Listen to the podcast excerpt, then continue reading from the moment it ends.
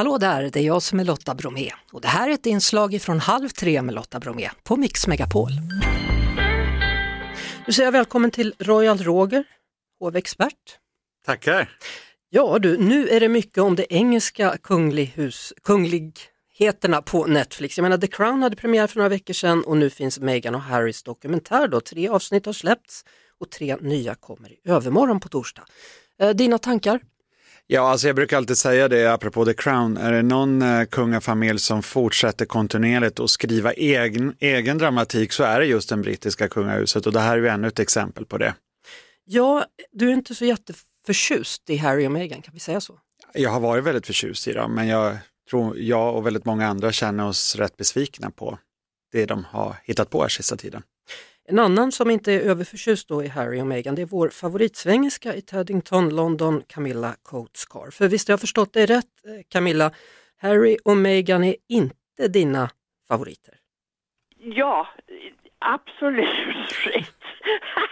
Men jag, jag förstår Meghan lite grann i alla fall, därför att det hela började fantastiskt för båda två.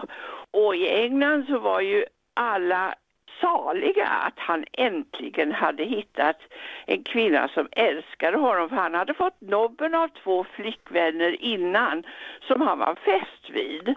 Och sen så bröllopet var ju helt otroligt och alla öppnade sin famn till Meghan. Hon var hur populär som helst.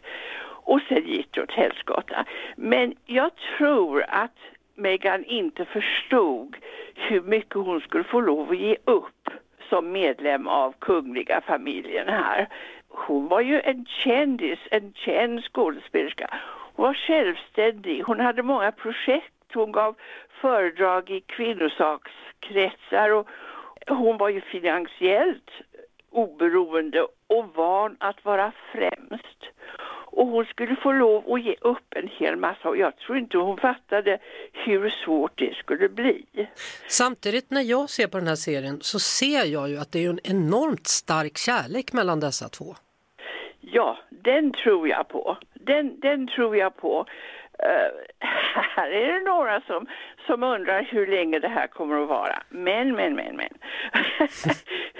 men i alla fall, Harry tror jag är lättledd. De har ju gjort miljarder pengar av att kritisera den kungliga familjen här. De har ju vetat precis vad det skulle ha för följder att göra detta. De kan ju inte tro att det skulle bli bättre av att skriva böcker och göra sån här kritisk dokumentär. Så att jag tror att det är många här som tycker synd om Harry. De Va? tycker att han har gett upp en hel del.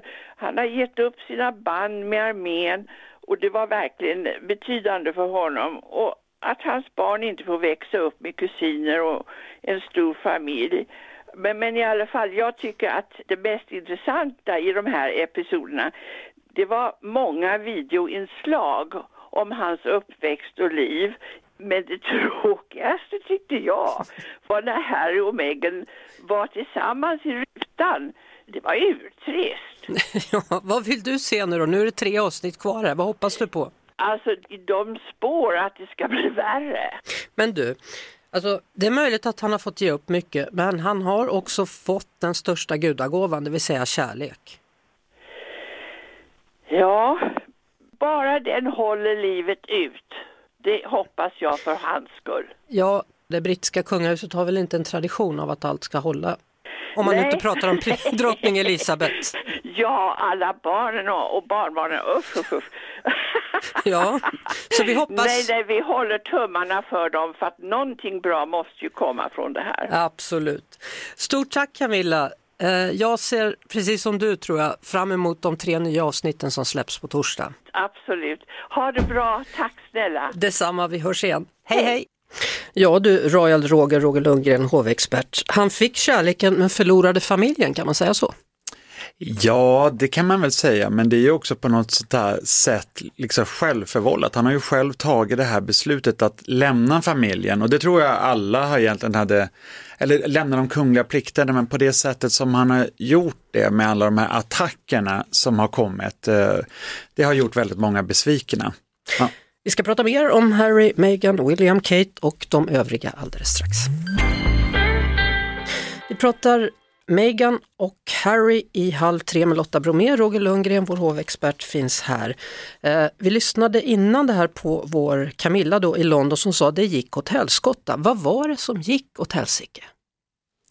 Det är en bra fråga. Eh, jag tror att det är viktigt att komma ihåg att den brittiska kungafamiljen är inte riktigt som kanske andra familjer runt om i världen. Inte ens kungliga familjer, utan de, de har levt ett väldigt, väldigt speciellt liv. Eh, skyddade från någon slags verklighet. Eh, drottning Elisabeth som gick bort här för några månader sedan, hon var ju, var ju oerhört älskad och satt väldigt, väldigt länge och på tronen och försökte väl hålla sin ibland väldigt stökiga familj i skikt, men det har inte alltid varit så enkelt. Harry var ju, förutom drottningen, den mest populära medlemmen av kungahuset innan han gifte sig, ska man komma ihåg. Och när väl Meghan presenterades för det brittiska folket så togs hon emot med stor nyfikenhet och värme därför att det här tyckte väldigt många, inklusive mig, var väldigt, väldigt spännande och roligt. En kvinna med en helt annan eh, bakgrund och erfarenhet som skulle kunna hjälpa till att modernisera monarkin och institutionen. Så det fanns väldigt höga förväntningar på dem.